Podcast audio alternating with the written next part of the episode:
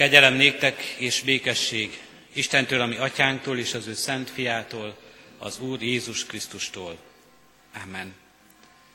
Ünneplő gyülekezet, kedves testvéreim, Isten tiszteletünk kezdetén a 65. Zsoltárunk első versét énekeljük fennállva. A 65. Zsoltárunk első versét, mely így kezdődik, a Sionnak hegyén, Úristen, tied a dicséret.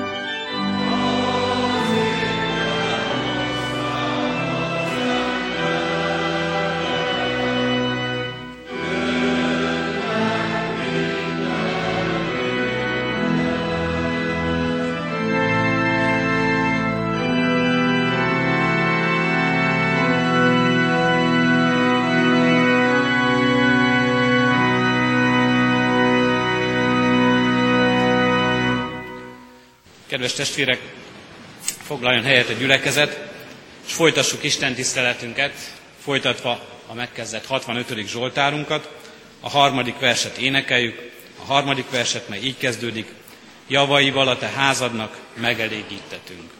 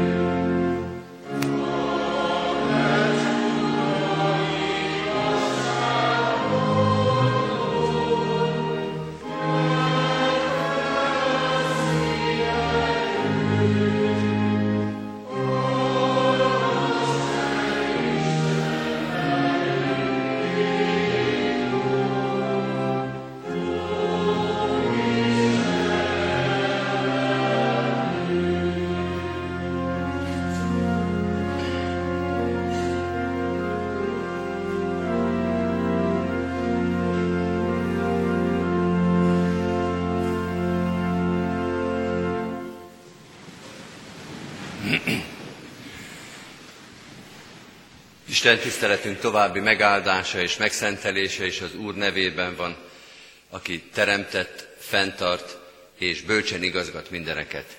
Amen. Kedves testvérek, hallgassátok meg Isten igéjét, ahogy szó hozzánk a zsidókhoz írt levél 12. fejezetéből, a 12. versről a 29. versig tartó szakaszából. Isten igéje így szól. Ezért tehát a lankat kezeket és a megroskat térteket erősítsétek meg, és egyenes ösvényen járjatok, hogy a sánta meg ne botoljon, hanem inkább meggyógyuljon. Törekedjetek mindenki iránt a békességre és a szent életre, amely nélkül senki sem látja meg az Urat. Ügyeljetek arra, hogy senki se hajoljon el Isten kegyelmétől, hogy keserűségnek a gyökere felnövekedve kárt ne okozzon, és sokakat meg ne fertőzzön.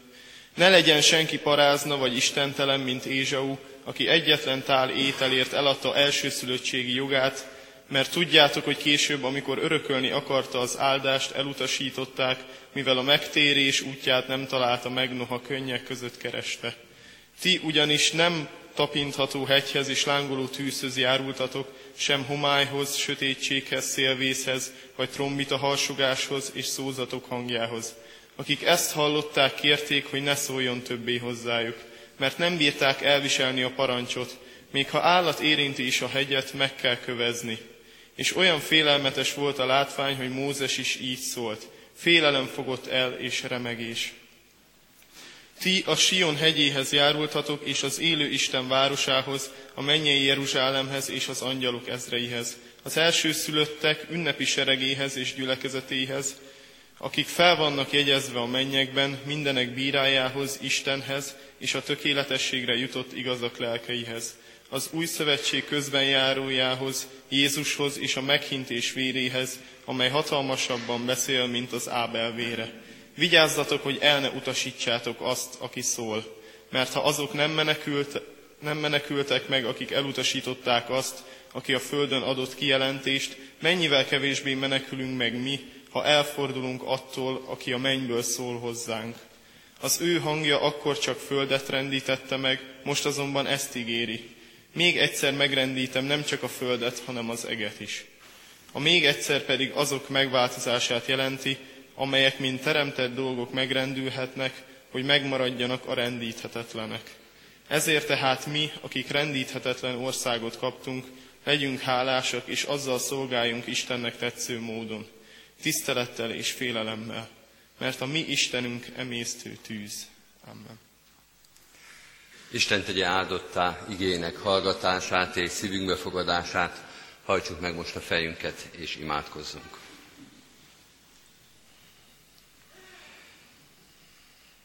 Hálát adunk néked, mennyei atyánk, hogy hozzád járulhatunk. Hozzád jöhetünk ezen a mai napon is. Vagy még inkább azért kellene hálát adnunk, hogy te jöttél hozzánk. Még mielőtt mi kereshettünk volna, még mielőtt mi elkezdtük volna tudakolni az utat hozzád, te már itt voltál egész közel. Hálát adunk a Krisztusért, aki megtalált minket, aki nem hagyott elveszni, aki megszólított, elhívott, tanát, tanítványai közé sorolt minket.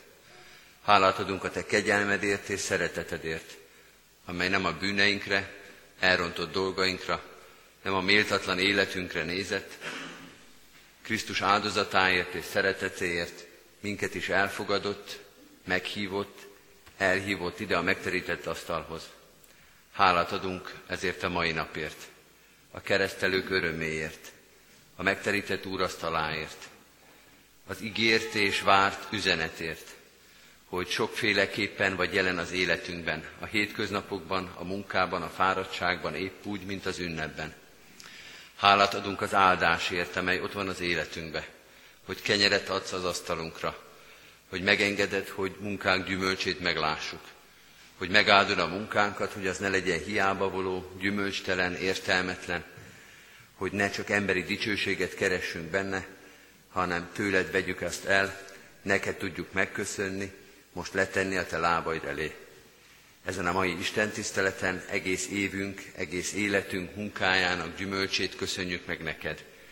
Köszönjük, hogy megáldottad a munkánkat, bármilyen területen is végeztük azt, hogy engeded, hogy előre jussunk, hogy gyarapodjunk hitben és testben, életben és életerőben. Te munkálod ezt, és Te adod ehhez az áldást. Adj hozzá engedelmes szívet és alázatot is. Bocsáss meg, hogyha sokszor megfeledkeztünk erről a szóról, a háladásról, a köszönetről, az áldásról. Bocsáss meg, hogyha sokszor magunknak tulajdonítottuk az eredményeket, ha nem neked köszöntük meg, hanem magunk büszkélkedtünk vele. Tégy most minket alázatos szívűvé, hogy amikor igédre várunk, amikor a megterített asztalhoz készülünk, átérezzük, lássuk, és magunkban jó helyre tegyük el a Te jelenlétedet, a Te áldásodat, a Te életet adó gondviselő szeretetedet. Így kérünk, árasz kiránk lelkedet, hogy az elhangzó szó ne emberi bölcsességet, hanem a Te örök életet adó igédet hozza nekünk, azt a szívünkbe meggyökeresztesse, gyümölcsöt hozóvá tegye. Így kérünk, szólj hozzánk most a hirdetett igében, hogy méltóképpen járulhassunk a megterített asztalhoz. Amen. Kedves testvérek, készüljünk az ige hirdetésre a 155. dicséretünkkel. 155. dicséretünk, ó Úristen, légy közöttünk, kik imádásodra jöttünk.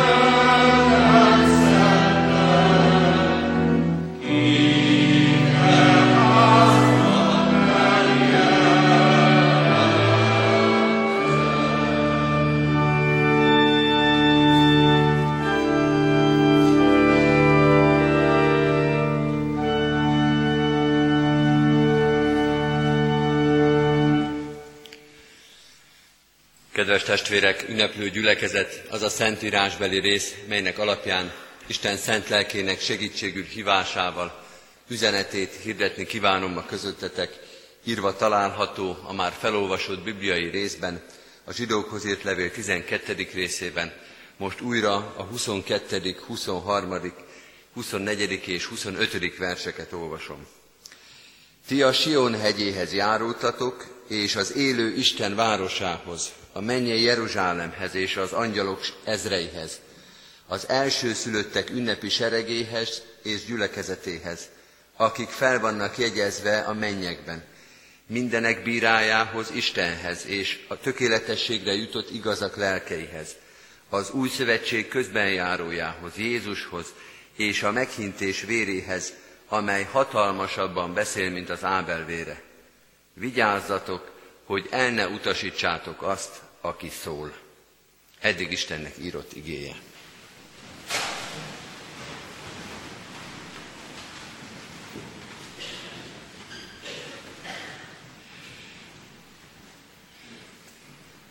Kedves testvérek, ünneplő gyülekezet, az ige, amelyet olvastunk, új szövetségi ige, de a hang, amelyet hallottunk, ószövetségi hang. Új szövetségi levél, ószövetségi hangvételben. Mi az új szövetségben megszoktuk, hogy az Úristen szeretet, hogy az Úristen szeret minket, hogy mennyei atyánk, hogy nem hagy minket elsodródni, hogy kapaszkodik belénk, hogy semmi minket meg nem foszthat Istennek ama szeretetétől, amely megjelent az Úr Jézus Krisztusban. Csupa bíztató, vigasztaló, erősítő igét hallunk, miközben a zsidókhoz írt levél felolvasott része inkább keménységről, éberségről, odafigyelésről, fegyelmezettségről, figyelemről beszél. Övezzétek fel magatokat, legyetek erősek, legyetek férfiak, tartsatok ki, vegyétek komolyan. Egy kicsit az ószövetségi proféták hangját halljuk meg a zsidókhoz írt levélbe. Az új szövetségben talán keresztelő János az, mint az utolsó proféta Krisztus előtt, aki hasonló, vagy talán még ennél is keményebb hangot üt meg. Persze nincs ellentmondás Ó és Új Szövetség között, itt sem nehéz feloldani, hogy miért erről beszél a zsidókhoz írt levél szerzője az olvasókhoz. Mindig érdemes tudni azt a gyülekezeti helyzetet, azt a szituációt, amelyben az egyház vagy a levelet, az írást olvasók vannak, akikhez a Szentírás szól, hogy miért, milyen motivációból születik meg egy levél, és mi határozza meg annak a hangnemét és főüzenetét. A zsidókhoz írt levél olvasóiról azt gondolja, gondolja az új szövetségi tudomány, azt próbáljuk ebből a levélből megérteni, azt értettük meg, hogy olyan emberek, olyan keresztények olvassák ezt, nem csak olyanok, akik jól ismerik az Ószövetséget, hanem akik már próbatételben vannak. Az első keresztény generációnak már a vége felé, második, harmadik keresztény generáció, ez helytől, gyülekezettől függhet, amely már megérzi a keresztény hitvallásnak és mártírumnak a súlyát, amely már érzi, hogy kereszténynek lenni, az néha kereszt ebben a világban. Próbatételben vannak, amitől meg lehet rettenni, el lehet bizonytalanodni, és amelynek a viseléséhez, amelynek a hordozásához belső tartásra van szükség. Ezzel a problémával küzd az a gyülekezeti kör, az az egyház, amely ezt a levelet először olvassa. Innen fogjuk majd megérteni, hogy miért ez a fő üzenete ennek a felolvasott igének. Zárójelben jegyezzük meg, hogy egy másik gyülekezeti kör is értelmezhetné magára, talán ehhez mi a 21. századi keresztények közelebb vagyunk, azoknak is tanulságos lehet ez a levél, akik nem próbatételben vannak, vagy inkább így mondanám, hogy nem külső nyomás az, amelynek ellen kell állni, hanem a belső kényelmesedés, a belső restség az, ami veszélyezteti a keresztény hitet. A könnyelmű keresztények is haszonnal forgathatják ezt a levelet. Akik azt gondolják, hogy kereszténynek lenni nem igazából nehéz ebben a világban. Az úgy megy. Jó is, kedves is, szép is, nem is kíván túl nagy áldozatot, nem kíván nagy erőfeszítést, nagy veszélyek sem várnak az emberre a kamaszkodó keresztények is olvashatják ezt a levelet, akiknek azt mondják, hogy menni fog az a kereszténység. Nem kell attól annyira megijedni. Egy-két dolgot betartunk, egy-két dolgot kipróbálunk, de hát erősek vagyunk, és fiatalok, és menni fog az. Ilyen korszaka is vannak a kereszténységnek, talán ehhez ma néhányan többen állnak, többen állnak közel, az ilyen helyzetű keresztények is haszonnal forgathatják a zsidókhoz írt levél, alapvetően más szituációban íródott sorait. Még egyszer mondom, ezekre utalni fogok, és ne is felejtsük el, hogy ebben a helyzetben tanít minket, vagy tanítja az első olvasókat a zsidókhoz írt levél szerzője. Először is azt mondja nekik, hogy a Krisztushoz tartozásnak értéke és becse van. A Krisztushoz tartozás az érték. Egy kis licitálást olvasunk ebben a felolvasott részben, ószövetségi példákat hoz a zsidókhoz írt levél, mint aki, olyanoknak szól, akik ismerik ezeket a példákat, és azt mondja, az is volt valami, amit az Ószövetségben olvastok, amikor az Úrhoz járultak, az ószövetségi formában és szinten, és az ószövetségi kulisszák és diszletek között, de mennyivel több az, a Krisztushoz járulás, amit ti gyakoroltok. Hogy az nem csak egy hétköznapi dolog, még az Ószövetségi egyébként tisztelettel és, és respektussal kiejtett régi példáknál is nagyobb dolog a Krisztushoz tartozni. Ha volt valami, ha megjegyzésre, ha tiszteletre méltó az, amit az Ószövetségbe olvasunk, mennyivel inkább vigyázba kell vágni magunkat lélekben, amikor Krisztushoz járulunk. Egy kicsit följebb viszi a lécet, és azt mondja, becsüljétek meg, hogy ti a Krisztussal vagytok kapcsolatban, hogy ti a Krisztushoz járulhattok, mert ez még magasabb, még nagyobb, még valamilyen mérce szerint értékesebb, mint ami az Ószövetségben megismert történetekből kiátszik. Tényleg olyan ez, mint a vendégség, hogy vendégségbe megyünk, de nem csak úgy átszaladunk a szomszédasszonyhoz, papucsba, meg otthonkába, meg mosdatlan kézre egy kis tereferére, mert az úgy jó, nincs is ezzel semmi baj, de ez most nem ilyen vendégség. Most nem csak úgy beszaladunk a Krisztushoz, most nem csak arról van szó, hogy úgy összefutunk vele, hanem a polgármesterhez megyünk, a miniszterelnökhöz, a köztársaság elnökhöz, nem tudok hova licitálni föl, a királyhoz, aminek a látogatásától már egy hónappal előtte elkezdünk készülődni. Büszkék vagyunk rá, egy kicsit félünk is, hogy elég méltóképpen tudunk-e odajárulni. Úgy válogatjuk össze a ruhát, az arckifejezésünket, a lelkünket, mert hogy az nem csak egy olyan kis röpke találkozás, mert olyan magas az, akihez mi megyünk, akinek az ajtaja megnyílik előttünk, hogy azt mi megbecsüljük. Néhány hónappal ezelőtt, amikor itt konfirmáció volt a gyülekezetben, az egyik apuka, vagy valaki, egy rokon fényképezte feltetőleg a fiát, rövid nadrágba volt és strandpapucsba. És hogy jobban tudjon fényképezni, be állt ide mellém a Mózes székbe. Jó néztünk ott kiketten, én talpig feketébe, ő meg a strandpapucsba. Nem ezzel van a baj, hogy mi ketten különböztünk, hanem hogy nem tudtuk átadni, mondjuk így önkritikusan, hogy ez nem egy olyan hely, ahova ide be lehet jönni, így, konfirmációkor. Egyébként se, de amikor a fia, vagy a keresztfia, vagy az unokaöccse konfirmál, és a templomba, és egy ünnepi Isten tiszteleten, hogy nem érzi meg valaki, nem tudtuk megéreztetni vele, hogy ezekhez az előbb említett emberekhez sem megy be, így biztos nem menne be. Sem ebbe a szomszéd épületbe, sem az országházába, sem sehova. Hogy akkor ide se lehet, mert itt a vendéglátó magasabb, mint azok az emberek, akikhez egyébként normálisan kiöltözünk és nyakkendőt kötünk. Úrvacsorához készülünk mi is, két úrvacsorai példa is jutott az eszembe. Egyszer ennek az előző példának az ellenkezői lesznek. Egyszer megkérdezték Rózsai Tivadart, a híres debreceni vallástanárt, aki a még híresebb Bart Károlynak volt a tanítványa Svájcban, hogy milyen volt ez a híres protestáns teológus, ez a sokak által nagyon tisztelt és ünnepelt lelkipásztor emberként. És arra emlékszem, hogy ez a tanítvány, a Rózsai Tivadar nevezetű vallástanár azt mesélt el, hogy ő látta egyszer, amikor a Bart Károly úrvacsorázott. És hogy olyan volt, mint egy konfirmandus gyerek, kicsit zavartan, így igezgatta a ruháját, hogy a zsebnek a fülei azok szépen kint legyenek, meg a nyakkendője, meg a disz zsebkendője, meg a gombjait nehogy rosszul gombolja, pedig azért már nem először vett úrvacsorát, meg volt valaki az egyházba. De hogy az Úristen előtt még egy Bartkáról is egy kicsit zavarba jön, hogy nehogy méltatlanul menjen oda elé. Nehogy olyan félig meddig, nehogy olyan észre, vagy olyan, olyan figyelmetlenül menjen oda, hanem oda szépen kell oda menni. Vagy a másik példa, azt egy kicsit félek tőle, mert mostanában ezért szokták kritizálni a magyar társadalmat, egy politikusról lesz szó, legyen annyi elég, hogy háború előtti politikus, tengerész tiszt is volt, és református is egyben, és úgy valaki meg azt mesélte, hogy amikor őt látta urvacsorázni, és mint magasrangú tengerész tiszt, tengerész törrel ment az ünnepi istentiszteletre, de az úrvacsora előtt leoldotta a tört, és letette az asztalra.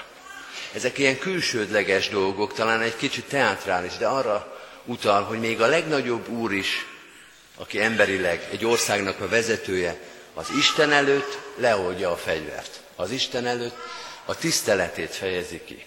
Nem csak úgy odaront az úrasztalához, hanem úgy megy oda, mint, ahova, se, mint ahogy sehova máshova, mert a legmagasabb helyre tesz most látogatást.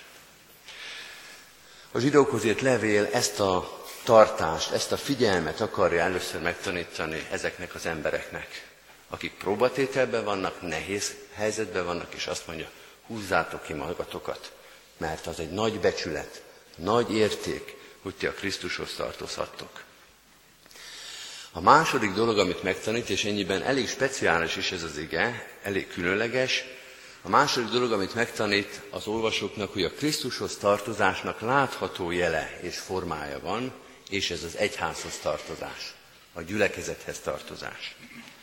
A Krisztushoz tartozásnak látható formája van itt a Földön, és ez a gyülekezethez, az egyházhoz tartozás.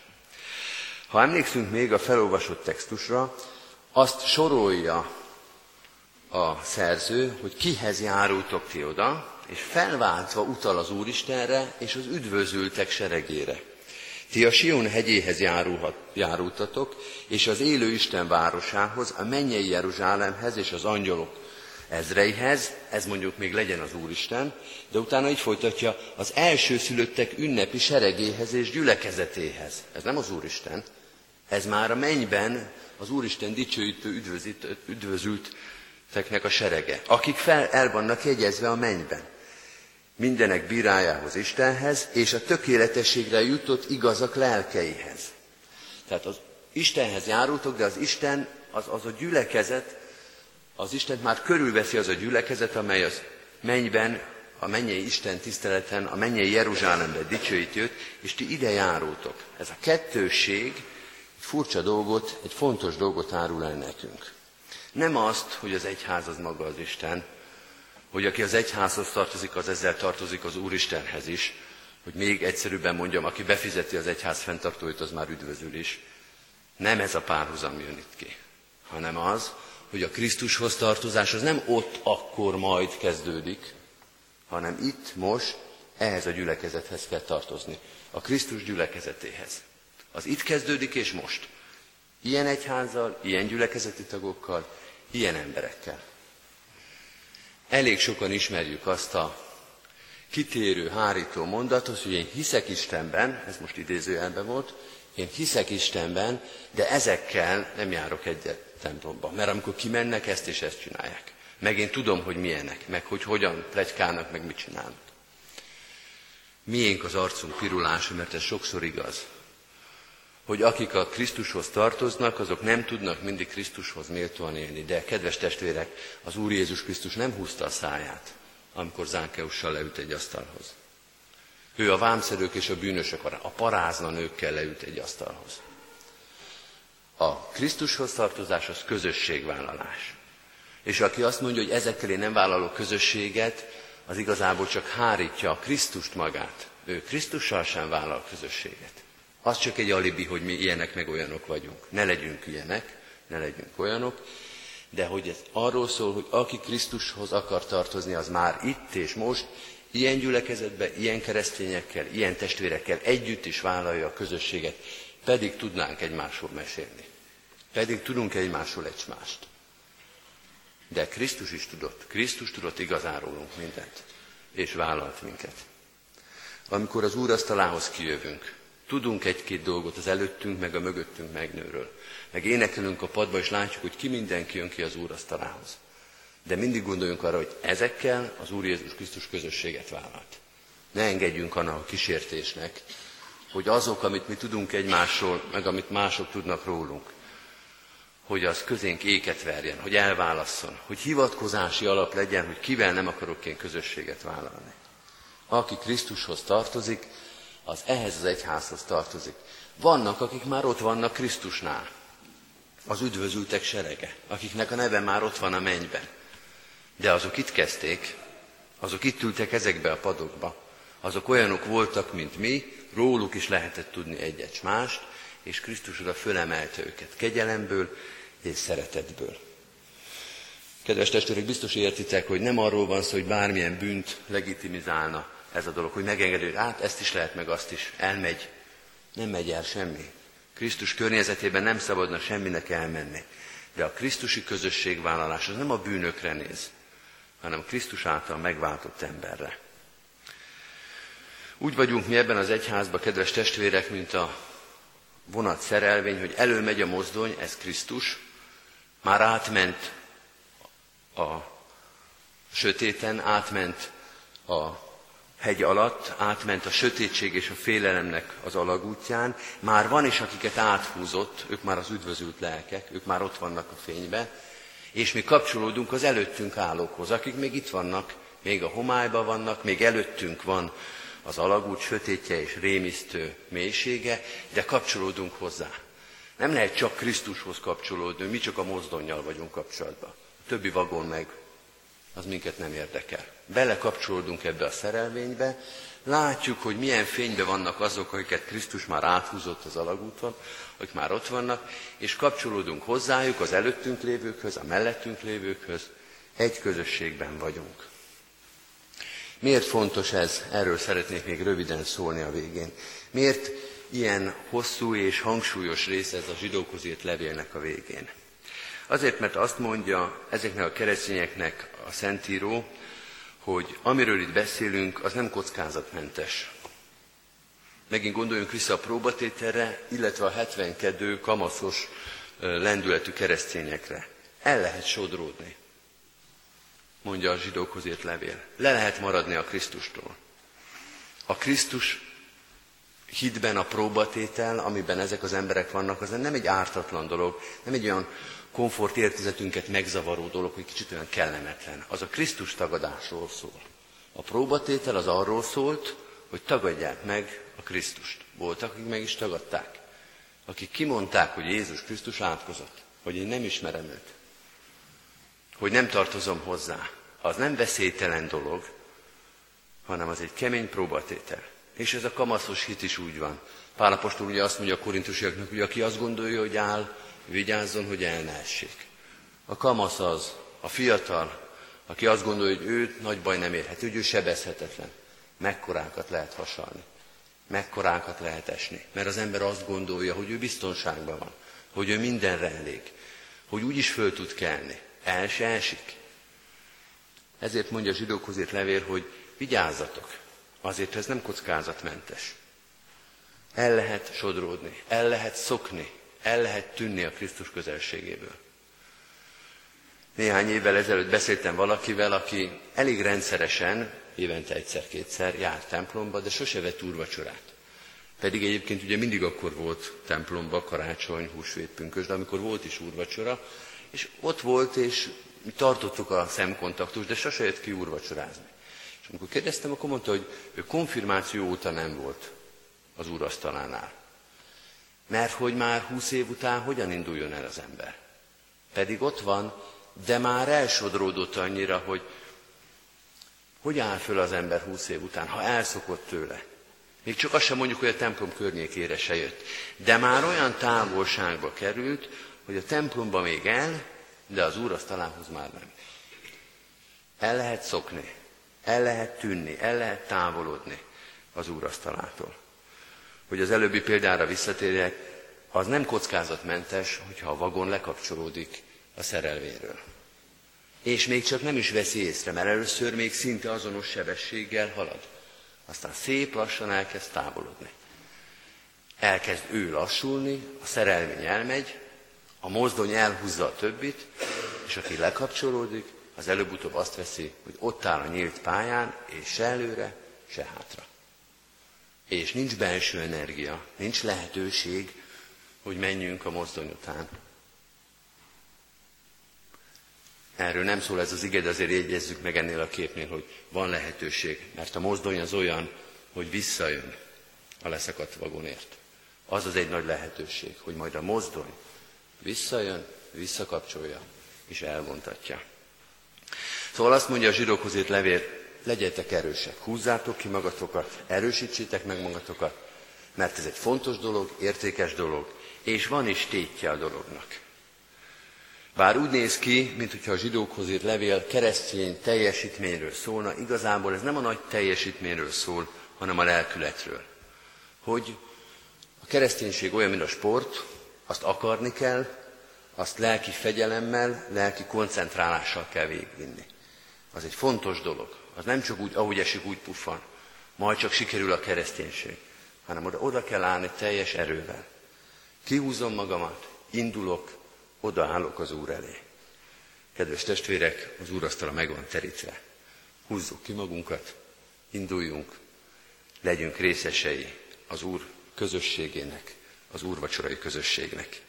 Készüljünk erre a közösségre a 379. dicséretünkkel. Énekeljük mind a hat verszakát, 379. dicséretünk. Emlékezzél Úristen híveidről, lelki-testi sokféle szükségünkről.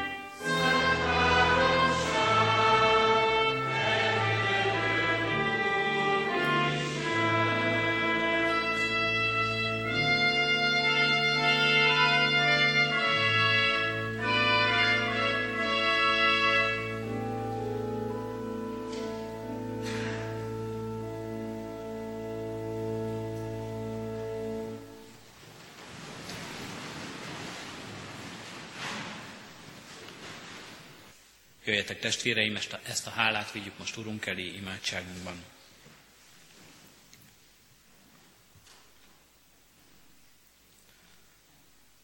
Magasztalunk téged, mennyei király, teremtő Úrunk és Istenünk. Dicsőítünk téged, Jézus Krisztus, megváltó Úrunk. És magasztalunk téged, Szentélek Isten, hogy jelen vagy az életünkben, hogy megáldasz minket, hogy elválasztasz és elhívsz a te követésedre. Köszönjük, Urunk, bűnbocsátó kegyelmedet, amelyet nekünk ajándékozol. Köszönjük, Urunk, hogy Te elhordoztad helyettünk, miattunk és érettünk azt az átkot, amelyet nekünk kellene bűneink miatt hordoznunk, és megváltva életünket, megszabadítasz minket, Urunk. Add, Urunk, hogy valóban ezért tiéd legyen minden dicséret, dicsőség, tisztesség és háladás. Köszönjük, Urunk, az örök élet reménységét és az üdvösséget, melyet megszerzel nekünk. Addurunk, hogy növekedjünk ennek hitében és reménységében. És addurunk, hogy szép bizonyság legyen a mi életünk mások előtt a Te követésedről, arról, hogy mit jelentett a megtartó kegyelmed, mit jelentett a szereteted, mit jelentett a gondviselésed. Így köszönünk neked, Urunk, mindent az életünkben. Köszönjük, Urunk, az élet ajándékait, köszönjük az anyagi javakat, Köszönjük, Urunk, az új kenyér áldását, és mindazt, ami az új kenyérben köszönhető neked, munkánk gyümölcseit. Köszönjük, Urunk, a fedelet a fejünk fölött, a biztonságot, a békességet, az egészséget, mely tőled jöhet. Kérünk és könyörgünk, Urunk, mindazokért, akik hiával vannak ennek, akik szűkölködnek, könyörgünk az éhezőkért, könyörgünk azokért, akik háborúságban élnek, Könyörgünk azokért a testvéreinkért, Urunk, akik betegségben élnek, testi és lelki terheket hordoznak. Kérünk és könyörgünk, Urunk, te légy az ő szabadítójuk, te légy az ő vigasztalójuk. Vigasztald a gyászolókat, erősítsd és növeld a hitüket, reménységüket. Kérünk és könyörgünk, Urunk, ad, hogy tőled kapjanak békességet és megnyugvást. Kérünk és könyörgünk, Urunk, minden közösségünkért, közösségét, amelyet mi egyen-egyenként megélhetünk veled, a közösségét, amelyet megélhetünk egymással, így ezért a gyülekezet közösségéért is. Könyörgünk, Urunk, egyházadért ebben a világban, Magyar Református Egyházunkért, az ébredésért könyörgünk, Urunk, szent lelked ajándékáért, megújulásért, és könyörgünk, Urunk, népünk és nemzetünk közösségéért, és vezetőinkért. Adj nekik, Urunk, bölcsességet, salázatos szívet és szolgálatkész életet.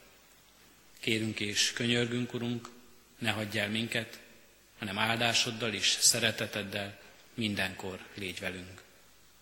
Amen. Együtt is imádkozunk az Úri imádság szavaival. Mi atyánk, aki a mennyekben vagy, szenteltessék meg a te neved. Jöjjön el a te országod, legyen meg a te akaratod, amint a mennyben, úgy a földön is. Mindennapi kenyerünket add meg nékünk ma, és bocsásd meg védkeinket, miképpen mi is megbocsátunk az ellenünk védkezőknek. És ne vigy minket kísértésbe, de szabadíts meg a gonosztól, mert Téd az ország, a hatalom és a dicsőség mind örökké. Amen.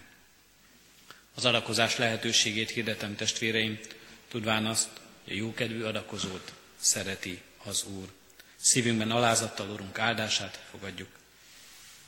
Istennek népe, áldjon meg téged az Úr, és őrizzen meg téged. Világosítsa meg az Úr az ő orcáját te rajtad, és könyörüljön te rajtad. Fordítsa az Úr az ő orcáját te reád, és adjon békességet néked. Amen. Isten tiszteletünk végén a 295. dicséretünket énekeljük. A 295. dicséretünknek mind a, kett, mind a két versét. Az első vers így kezdődik. Jézusom, ki árva lelkem, megváltottad végre. Mm-hmm.